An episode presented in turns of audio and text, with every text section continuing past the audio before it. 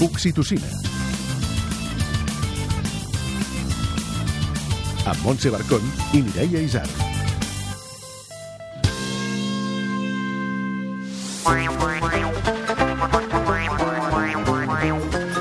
L'actor David Verdaguer és tan divertit també com a pare? Ho sabrem al Tu Tots Tothom. I parlant de pares divertits, també tindrem un nou capítol del Maconi d'en Xavi Cazorla. La maternitat no és sempre de color de rosa. Per què costa tant parlar de la depressió postpart, per exemple? En parlarem amb Iliana París, sòcia de l'associació Dona Llum, doula i psicòloga clínica. Al Ravioli coneixerem la família de la Clara, la Núria i en Jan. I amb les Mama Proof escamparem la boira. I amb tot això i alguna cosa més, comença l'Oxitocina! Tu, tots, tothom.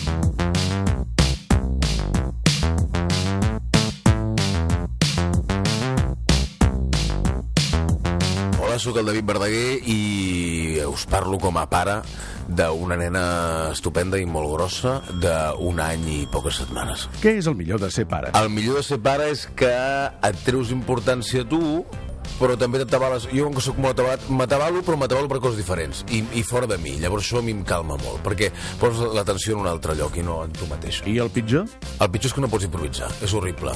És horrible. Allò de, bueno, però ens quedem una estona més, va, pues un vermut. Escolta, dinem o què? Va, anem a Barcelona, fem una paella. Escolta, i si vens ara al cine? No, és impossible. S'acaba la improvisació a la vida i això a mi m'atabala perquè m'agradava molt improvisar la vida. Digues el record més divertit de la teva experiència com a pare. Un moment divertit, doncs bastant, des d'aguantar l'arcada quan fan aquelles caques que allò vindria a sanitat i li xaparia l'anus a la teva filla. Però clar, té un any i mig. Sobretot ara comença a interrelacionar-se. Perquè jo li feia moltes tonteries i em mirava com el pitjor crític teatral de la història saps? em mirava amb cara de, bueno, quan acabis doncs seguirem amb la meva vida. Era un públic molt dur la meva filla. Ara comença a riure amb ja I el més bonic? molts. És que com, com dir tu com dormen, aquella cosa tan tova que sembla que s'estiguin amassant amb, amb llevadura. A mi m'agrada molt veure com dormen potser perquè ja no estan actius i llavors estàs tranquil. No, no, no, és broma, bonic, perquè m'agrada molt com dormen, que ho donen tot, quan, quan ploren, ho ploren de veritat i aquells llagrimots que semblen esmins amb la mida aquella gegant de, de cocodril, quan riuen, riuen molt, que sorprenguin tota l'estona per tot, això és una cosa que anem perdent i, i això m'agrada molt, és molt bonic això. Reivindica. Que la gent que no decideix no tenir fills, que em sembla una molt bona opció a la vida, no tenir-ne, com tenir-ne, que no sigui per problemes de, de que no hi hagin ajudes de la gent, saps? Que decideixi no tenir-los perquè no, no vol tenir-los, no perquè el pis és molt petit, no tinc diners o, o co- costarà em faran fora de feina si em quedo embarassada, aquestes coses. I, i els pares, que els pares acceptem que són producció el primer any de vida, que no som res més que producció i que ajudem a la mare, que quan entens això també et calmes molt.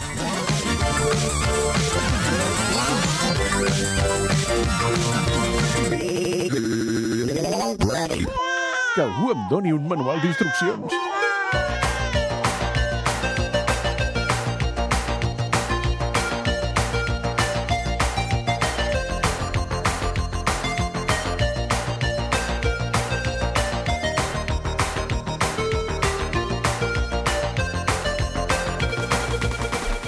Dues de cada deu dones tenen algun problema de salut mental durant l'embaràs i el primer any després de donar llum. En el 75% dels casos no són diagnosticades i reben el tractament i suport adequats.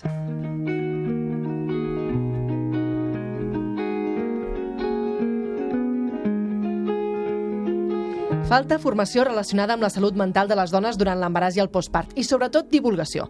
Poca gent en parla i qui ho pateix ho viu amb molta soledat. Per canviar aquesta realitat va néixer el Dia Mundial de la Salut Mental Materna, que se celebra a nivell internacional a principis de maig. Avui volem parlar de les ombres de la maternitat, però sobretot de com tornar a trobar la llum Emiliana París, sòcia de l'Associació Dona Llum, doula i psicòloga clínica. Què tal? Molt bé, gràcies. A veure, aquestes dades no, no en som conscients, no? E- És una pena perquè sembla que és un, és un problema que afecta bastantes dones, però, però en canvi no es parla. No, no, no se habla, eh, por un lado porque todavía hay muchísimo estigma con respecto al sufrimiento psicológico o a la enfermedad mental en general. Y por otro lado porque tenemos mm, muy idealizado eh, la imagen de la maternidad. Con lo cual, eh, lo que se nos ha transmitido de una forma u otra es que cuando tú te conviertes en madre has de estar pletórica, sobre una nube, súper contenta, súper feliz y, y no hay posibilidad de darle permiso a unos sentimientos que más negativos o I llavors dissimulem. disimulamos, sí. S'estima, a més a més, també són dades que veu fer públiques vosaltres, Associació Dona Llum, el dia de la, com dèiem, de la salut mental materna, dèieu que entre un 1,5 i un 5,4% de dones desenvolupen un trastorn d'estrès posttraumàtic després del part. Això és molt bèstia. Un part pot ser un, un element desencadenant de- d'una cosa així? Sí. Eh, lamentablemente, eh, la medicalización, la in- el exceso de intervención en algunos partos, si no va acompañado de eh, el acompañamiento y el soporte adecuado hacia la mujer, la mujer lo puede vivir como algo muy violento, como algo traumático. Eh, el trauma siempre es algo, entre comillas, subjetivo, ¿no? Lo que puede ser Clar, traumático que para tu mí has sentit. Igual no lo es para ti, ¿no? Y lo que puede ser traumático para, para otro, pues también depende mucho de las vivencias eh, personales. Pero eh, el momento del, del parto y nacimiento es un momento mm, vital muy especial en la vida de cada mujer, donde hay también una fragilidad, una vulnerabilidad muy exacerbada. No es solo un acto médico. Entonces, el, el no tener en cuenta esta otra esfera, ya, llamámosle mes, más mm, Emocional, ah, ¿no? emocional Claro. psicológica, incluso podrías decirle hasta espiritual, eh, hace que, que aquí, bueno, el trato pueda ser un poco brusco o delicado y que la mujer en algún momento pueda temer por su vida o por la vida de su hijo ante una mirada, un comentario, eh, hemos de llamar al pediatra o mueve aquí o resulta que eh, el paciente tiene tal o cual cosa que a lo mejor dentro de la jerga médica es algo completamente normal, pero que para una Pero mujer no que está escuchando Claro, esto y estás en está de señal de parto, alerta. Claro, dices, "Mm, algo está pasando, ¿no? Algo está pasando conmigo, algo está pasando con mi bebé. Esto sin hablar ya directamente de cuando nos pegan bronca, ¿qué pasa? Sí, sí. O, o cuando hacen alguna maniobra o algún tratamiento que, que no esté aconsejado, ¿no?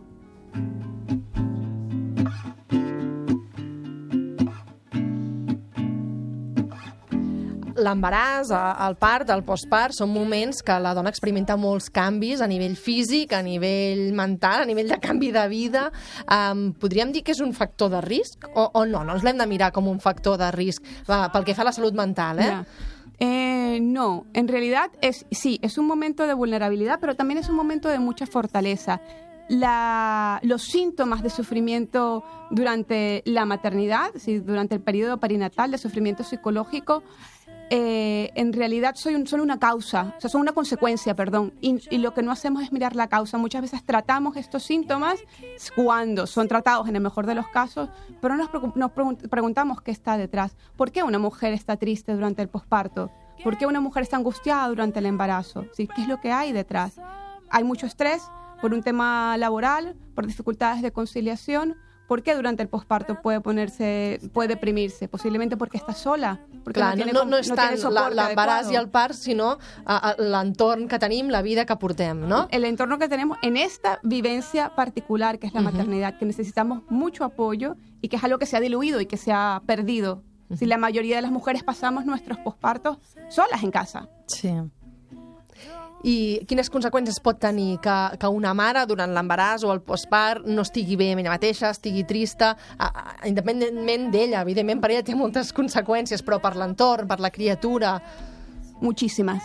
Eh, primero, bueno, si, si tiene algún sufrimiento eh, psicológico, algún trastorno mental durante el embarazo, es muy probable que lo tenga durante el posparto, dependiendo de los niveles, es decir, nive- niveles muy elevados de ansiedad, por ejemplo, de estrés. eh, hay, hay es- investigaciones que demuestran, si hay estudios que dicen, bueno, que tienes más riesgo de parto prematuro, de bajo peso al nacer, de estancamiento del desarrollo eh, intrauterino, pero luego durante el posparto hay dificultades en, el- en el vínculo, en establecer un vínculo sano con el bebé, porque muchas veces hay tanto malestar que no hay una capacidad. no pots donar-te, No. no?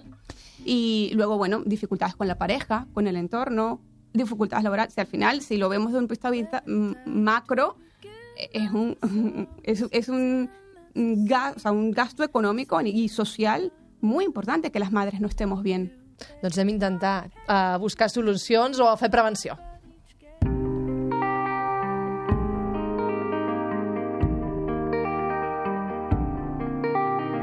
A veure, això li pot passar a qualsevol, no? Vull dir que no ens hem de mirar, de mirar en cap mena Clar, i, de... de, I de fet, com saps que, que t'està passant a un nivell que, que ja t'ha de preocupar? Perquè O si, a, a veus una, o si veus una amiga, no? Que- tot, totes tenim tristesa, plors i pors, no? És molt, molt habitual també tenir aquesta eufòria i, i, i plorar, no? És un, un còctel Una muntanya allò. russa. Qui, quin és el punt en què dius, ull, això ja... Mm, mm, Ah, bueno, a ver, eh, no hay como un punto fijo a partir de a partir de aquí, ¿no? Pero sí cuando empiezas a tener al- algunos sentimientos, por ejemplo, de que no eres buena madre o que no tienes capacidad de cuidar a tu hijo, cuando tienes temor de quedarte solas con tu hijo porque piensas que le puedes hacer daño, cuando prefieres que otro lo coja en, lugar de, de que lo de tenerlo en brazos, eh, cuando no conectas emocional, o sea, cuando estás como anestesiada o cuando no puedes dormir o no puedes comer. O sí, hay, hay muchos síntomas, ¿no? Que pueden hacerte señales de pensar. alerta, digamos. Señales de alerta que pueden hacerte pensar que algo no está, no está bien. De todas maneras, tener cualquier malestar durante el posparto siempre es un indicador de algo. Es decir, si un día estoy más triste, sí es posible que haya una cierta sensibilidad hormonal, pero también es posible que me haya pasado alguna cosa, haya tenido alguna pequeña discusión con mi pareja o cualquier cosa, sí. Sí, sí.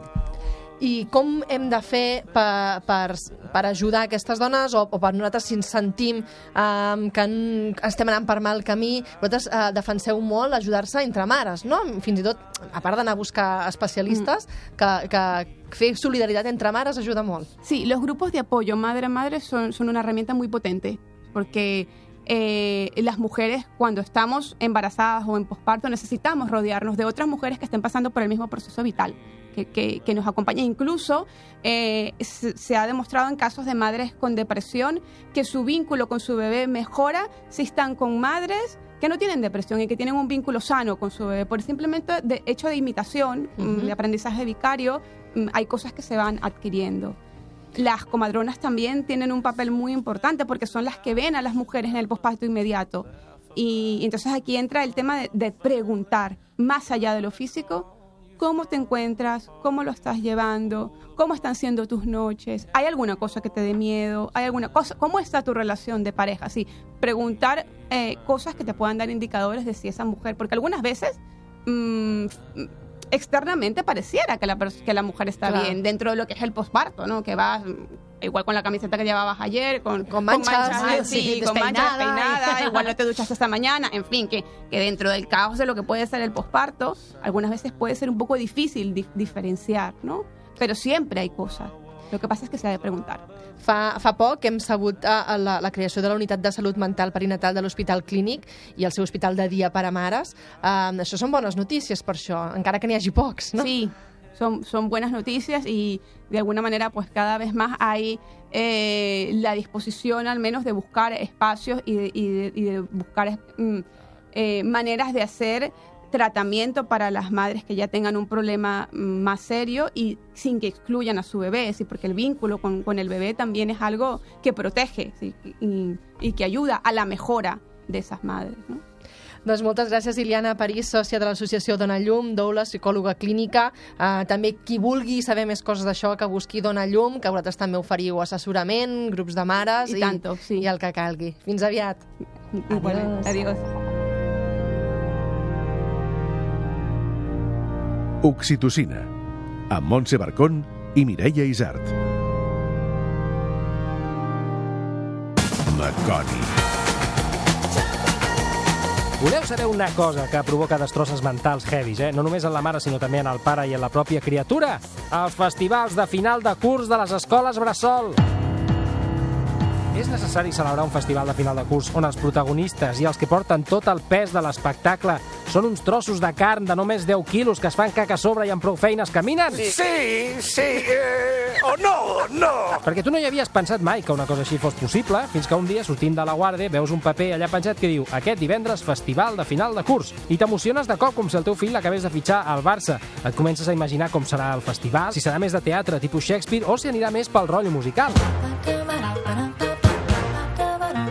La profe de la guarda és la primera que contribueix a crear-te aquesta falsa il·lusió quan un dia, quan vas a recollir el teu fill, li diu davant teu no els hi ensenyis res del festival de final de curs, eh, que és secret i volem que sigui una sorpresa. Uah, tu aquí ja estàs flipant, comences a preguntar-te quin paper li haurà tocat al teu fill, obviant que fa només dos dies que camina. A mi personalment em va agafar una mena de paranoia estranya que em feia veure coreografies ultra preparadíssimes i estudiades a cada cosa que feien les meves filles a la seva vida rutinària. A qualsevol cosa que fessin, ja fos eh, riure, saltar, córrer, un moviment, caure del llit i obrir-se el cap, li deia a la meva dona mira, això que està fent ara segur que ho fa perquè a la festa de final de curs els hi fan fer. Sí, sí, sí. I el malparit del teu cervell aquí comença a imaginar-se coses i tu t'imagines, doncs, la festa de final de curs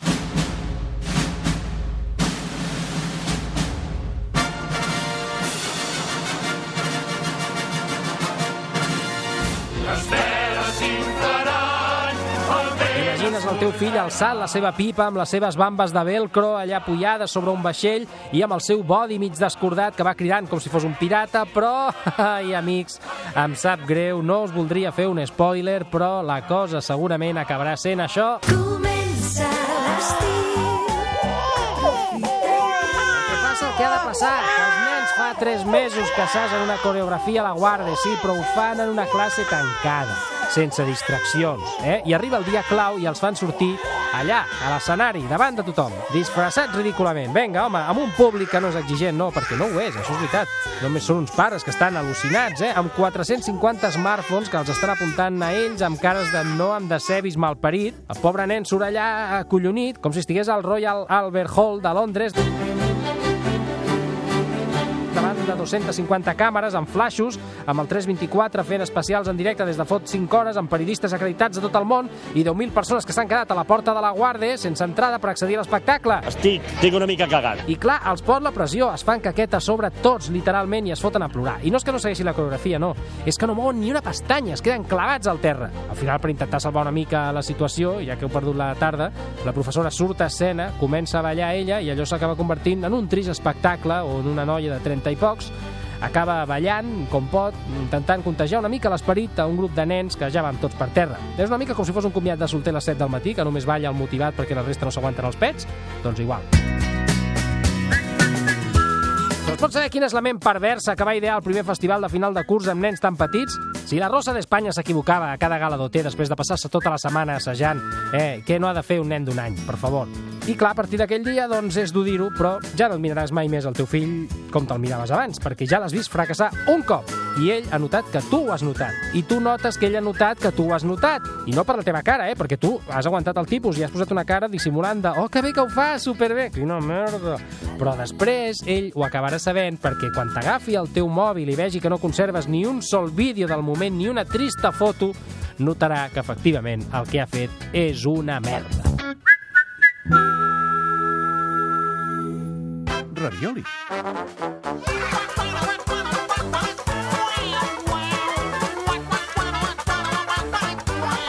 Avui a Ravioli coneixerem la Clara, la Núria i el Jan. Com diu la Núria, són una família moderna formada per dues mares i un nen que és a punt de fer els dos anys. Van tenir-lo quan elles estaven al voltant de la cinquantena i ara riuen cada dia i es bufeguen perseguint el Jan pel parc. Un nen amb moltes piles, amb un somriure immens i boig per les pilotes. Núria Pedrerol i Clara Bernades, gràcies per venir. Hola, què Hola, tal? bona tarda.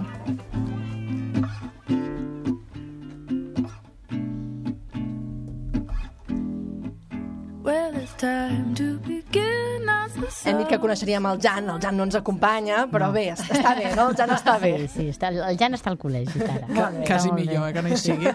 No et deixaria No parlar podíem fer gaire. l'entrevista, eh? Exacte. I la vostra esquena com està? Una mica tocada. La veritat és que, que això de tindre un nen ho notes, perquè no pares. Els nens te manden, no?, i tu t'ajups, i, bueno, o està en algun moment que pot caure i tu l'agafes. O sigui, que tenim les esquenes una mica... Que t'ho digui de- la Clara. Hem de fer un programa sobre higiene postural per Exacte. mares, eh? Ergonomia, no? Exacte. Vau decidir ser mares als 40 llargs, 50. Uh, com va ser això? Com és que us vau trobar en aquesta situació i què us vau plantejar en el moment de prendre la decisió?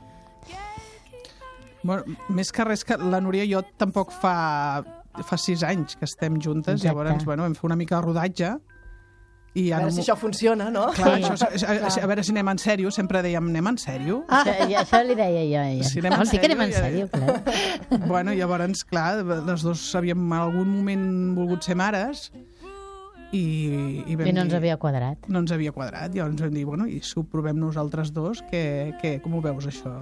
I, i va anar en sèrio. I tant en sèrio, eh? I va anar en sèrio, sí, sí. Tenim el Jan i... que és un, és un piles, com es diu.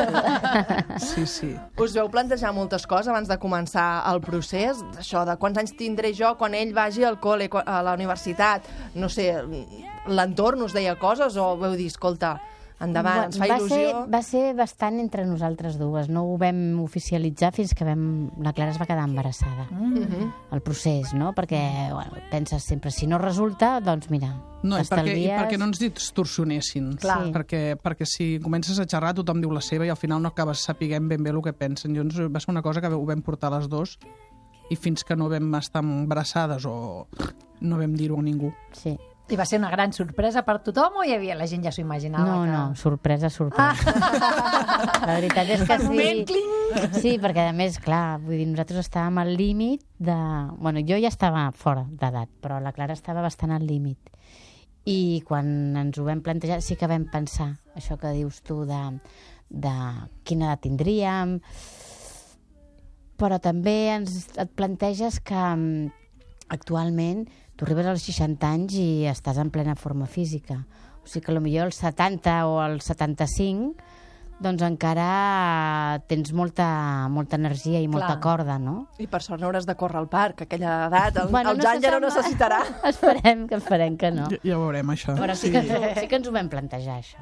Mm. Que seríem mares grans, evidentment, eh? Uh, L'embaràs i, i el part, com el vau viure? Perquè, clar, per exemple, tu, Núria, uh, dius, la meva dona està embarassada, jo hagués pogut estar, però no ho estic. Tu, uh, Clara, estaves embarassada, volies, suposo, fer partícip al 100% a la Núria. Mm. -hmm. Us va costar a cadascú trobar el seu lloc o va ser una cosa natural, que va fluir? Natural, no? No, sí, va, va, va ser natural. Jo la veritat és que vaig tenir un embràs que va estar molt... Vull dir, no em vaig trobar molt bé. Vaig, uh, Els primers tres mesos allò una mica mareig, però després... després... Em, després em vaig trobar molt bé. És una jabata, eh? Jo, tinc, jo Sí. sóc molt fort de, de, de, de, Físic. de físic i, i em vaig trobar bé i després pues, el tema del part és que la veritat és que jo vaig anava amb una, amb una metgessa que era especialitzada en parts eh, de risc i em anava dient que, que ho tindríem natural o cesària, depèn de...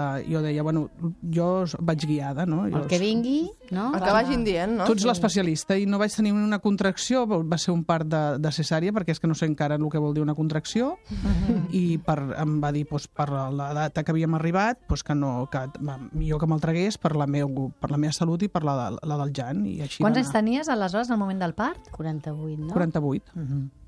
Perquè quan abans eh, deies que tu ja estaves fora de, de, de límit, Sí. aquest límit el posen els metges? Sí, el màxim és, són 50 anys.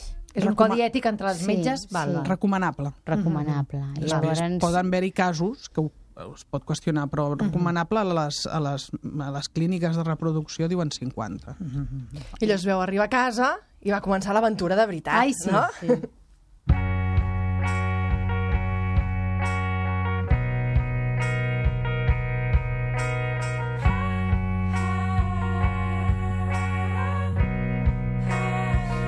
Heu viscut una criança molt compartida, no? Dir que heu intentat les dues estar molt uh, a casa, amb el Jan, que us tingui present a les Sí, dues. sí. Um, això era una cosa que teníeu decidida, uh, ha, ha anat així... Home, a veure, és que clar, si ho fas i ho fas tan tard, fes-ho bé, saps què vull dir? Clar, vull dir, no, no estàs per tenir un fill i, i a- als 50 anys i, i començar despistar-te. Llavors hem estat... eh, Bueno, estem sí. les dues molt pel, pel Jan. Tampoc fa falta tossigar-lo, pobre xaval, no? Però, però, però sí, hem, hem, estem les dues, anem compartint. Si poder, ara últimament estic més jo amb el Jan que, que la Clara, perquè per el tipus de feina que, que tenim, la Clara bueno, doncs té més responsabilitat i llavors està més, poder més temps a la feina que, uh -huh. que a casa. Però bueno, que no som d'aquestes persones que sortim a les 8 del matí i no arribem fins a les 8 de la nit. Vull dir que el veiem, eh? Una, una parella de dues dones també, que tenen una nena molt propera a mi, em deia quan estaven embarassades els hi deia molta gent quina sort que sou dues dones. Vosaltres les dues us implicareu molt. Ara aquí, és que ningú s'ofengui, eh? Però elles m'ho deien, que els hi deien i els hi sorprenia. Vosaltres també us han fet tipus d'aquests comentaris? Bueno, una- Creu que és diferent ser dues dones que ser una parella heterosexual o que ser dos homes? Hi ha una cosa curiosa, no? Tenim, per part de la Clara, tenim uns nebots que són nen i nena, i un dia entre ells dos parlaven, no? Diu, ostres, és que el Jan té molta sort, perquè té dos mamàs. Clar. És que és curiós, no? Vull dir, clar, ells veuen a la seva mama i veuen el seu papà, no? Que segur que se l'estimen molt. Molt, però, clar, la implicació, a millor que té una dona, que tampoc no hauria de ser així, però bueno, és, no? I per això ja ens va fer gràcia. Ostres, és que el Jan té dos mamàs. Dos mejor que una, de que totes maneres, jo penso que clar, dos noies, eh, bueno, potser per una, per una sèrie de tasques establertes, però suposo que jo tampoc, clar, jo tampoc he viscut allò amb un papi. I n'hi hauran de tot tipus. N'hi hauran de fantàstics, I tant, i tant. saps? Llavors, mm, bueno... Sí, sí, evidentment, però no, Sí, m'ha de sí. fer gràcia aquest comentari de- d'aquestes amigues i per això us ho volia traslladar, a veure si vosaltres també us hi havíeu trobat. No. No. No. Uh, el, el Jan ara parla poc, uh, però no sé si ja comença a fer-vos preguntes o us n'adoneu que ell capta coses de l'entorn Sí, o que- mira en contes. Algo sí que capta, eh? Sí, encara, encara parla molt poc, però sí que diu papà. Ara i... diu papà. Però clar, Sí. no, no, no, jo crec que encara no, no Perquè n'és suposo que conscient. a l'escola hi ha... Clar, a la classe, no? I llavors arriben els papàs i arriben les mamàs. Perquè ho sent dir i Clar, reprodueix suposo. sense saber ben bé No, però ho diu, senyala, eh? En els contes fa papà. Reconeix la figura. Ah, sí, no? sí. I a més a ell, tu te'n dones compte que quan ve per, per, per casa meva té dos cosins, un en té 25 i l'altre en té 21. Clar, són dos zumosols. I, I vull dir que ell es queda molt embabat amb la imatge de nois. Suposo Clar. que com que no en té tant a casa, um, s'hi fixa molt amb la imatge masculina. És un detall no? que, que hem vist, però és veritat, eh? Vosaltres, eh, al moment de triar escola, veu tenir en compte també que eh, ell se sentís còmode a l'escola, no? que fos un tipus d'escola sí. que, que us acollís eh, perfectament com a família. Què, què veu preguntar o amb què us veu fixar o què, què era rellevant per vosaltres en aquest moment? Bueno, Bueno, nosaltres vam, vam mirar la, la, l'ideari que tenia, no?, l'escola. l'ideari, el, com es diu això, que es fos una escola propera. Mm, D'una línia. De moment una escola petita, perquè així també ho tenim més controlat.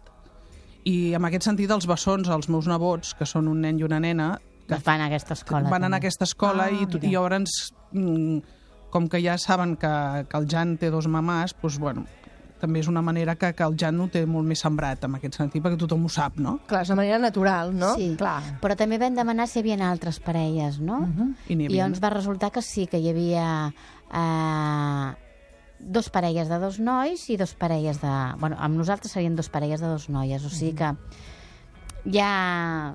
No I que obstant, també, també ens van dir, i també hi ha mares solteres i pares solters, vull dir que, que mm, era, hi havia la- l'escola aquesta és una mica la diversitat, no? Clar. I això està bé. de totes maneres, amb això de l'escola ens va sorprendre mm, gratament que no...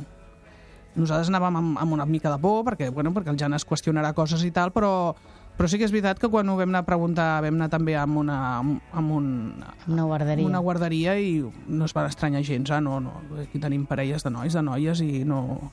Nosaltres teníem més Això és el por... que s'ha de ser, no? Sí, que- exacte. No, sí, sí, sí, nosaltres anàvem amb més por del que vam rebre. La gent, bueno, jo volguem dir, ara amb què en sortiu? Si és que és el més normal, no? Clar. I va ser com molt fàcil. Vosaltres us trobeu a vegades amb altres famílies eh, diverses per compartir també dubtes o preocupacions o perquè els nens vegin realitats com la seva. No sé si creieu que és necessari o no, eh? però ho feu? Ah, de- de- d'altres Sí, parelles Sí, que... sí. sí, tenim amistats que, que tenim... Tenim amistats i no, no participem gaire, però en el, en el grup de, de famílies LGTB Sí, nosaltres a algun, alguna sortida en participem. d'aquestes que fan cada dos anys, saps? Que s'ajunten, no sé si és de tota Espanya o... No sé. Sí, hem anat algun cap de setmana. Sí, i hem fet alguna sí. sortida, o al Nadal, que fan el dinar de Nadal. Ah. Bueno, és una manera d'anar... Tot i que estan, són molt actius i jo estic en un grup i veig que, que fa moltes coses, però al final també acabes tenint el teu entorn Sí, clar. habitual, que és la família i les amistats, no? De sempre. No? Sí, que t'és el més còmode. Doncs moltíssimes gràcies per venir-nos a explicar la vostra història. Clara, Núria, records al Jan. Molt bé, gràcies. I ja, pa, no sé, preneu-vos molts Moltes. cafès per poder córrer. Ja ho estan La fent, eh? Ja ho estan fent. Moltes gràcies, moltes gràcies a Gràcies a vosaltres.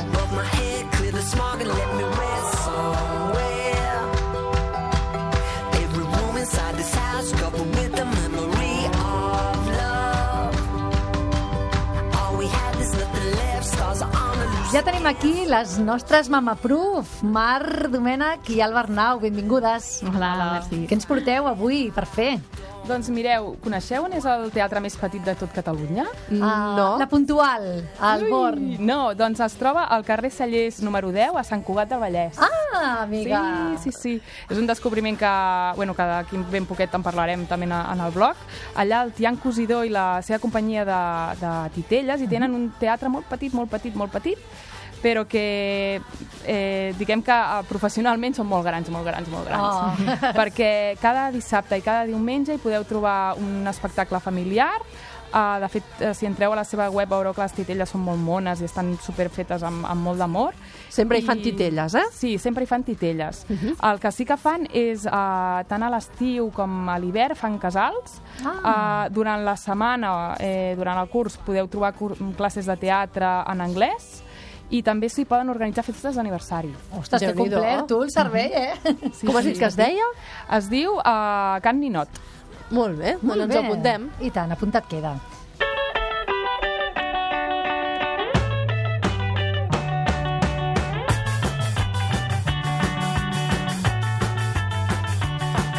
Alba, què? Què ens dius? Jo, jo avui m'ho posat molt festivalera, eh? Que bien, bien, bien, bien! Jo us vull parlar d'Escola de Rock, que és un festival, ho dic així entre cometes, perquè se celebra mensualment a la sala Apolo. I sí, és allà on molts de vosaltres ho heu donat tot al llarg de moltes Ai, sí. nits de la vostra vida. Eh? Al llarg de nits, nits, no? Nits, sí, nits. doncs ara ho podeu donar tot a les 11 del matí amb els vostres Mira petits. que pràctic! Més sa. És fantàstic, sí, sí. Hi trobareu concerts, tallers, contes vinculats a, a la música rock i pop. I no hi falta cap detall, des de les pulseres que posen als infants, com les que ho posaven a vosaltres, uh, fins al Ho diuen merchandising. passat, eh? Ai, és que fa molt de calor. No hi vaig, Sí, sí, hi nosaltres- vaig nosaltres aquest, també vaig no. a escola de rock amb els nens. Eh? Clar que sí. Però, però abans sí, abans les pulseres me les posaven a mi. I, I allà on abans deixava les jaquetes, ara hi deixo el cotxet. I d'aquesta manera ho podeu fer vosaltres també i passar un matí de gresca roquera sense ressaca, eh? Oh, això no té preu, eh? Això no té preu, I a no, més no. fan una programació ben potent, eh? Sí, Dèiem sí. unes setmanes que tenien el Sidoní. Sí, va, Sí, sí, va haver-hi Sidoní. Sí, sí. Mhm, No ens ho perdrem. Estigueu atents a la programació de la sala perquè és, és, una, és una, un pla matinal superxulo. Moltes gràcies, Mama Proof. Fins aviat. Adéu. Adéu.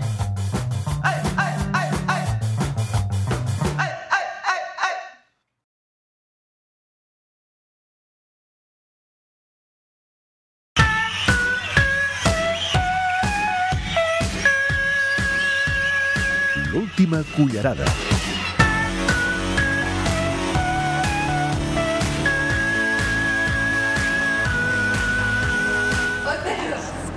Dolça meva! Estimo Casio. Faria qualsevol cosa per guarir-lo dels... Hola, sóc el Pep Vila i us voldria recomanar Otelo, a la Seca Espai Brossa de Barcelona, perquè no és una adaptació fidel del clàssic de Shakespeare, que molts els podia treure, però d'altres potser no, potser podrien dir, vaja, quina mandra, un altre Shakespeare. Doncs no, és una mica diferent, perquè si parteix de la gelosia, va derivant cap a altres elements més interessants, més actuals, com la manipulació de la veritat o la violència de gènere. Eh, a mi m'atrau particularment més aquests últims components, així com l'elecció de només tres personatges per representar-la. Desdèmona, Iago i Otelo. I a sobre el pes de l'obra recau en Iago, un dolent i un retrat de dolent molt peculiar i encertat. És a dir, l'Arnau Puig, que és un actor amb cara de molt, molt bona persona i que segur que ho és, eh, aquí és un autèntic dimoni. Per tant, no us en refieu de l'Arnau Puig.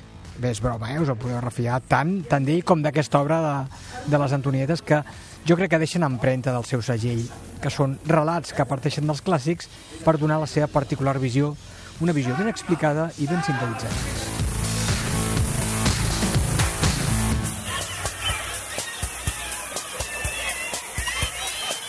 La dosi d'oxitocina setmanal s'acaba aquí. Si en voleu més, en trobareu al grup de Facebook, al blog del programa i al podcast.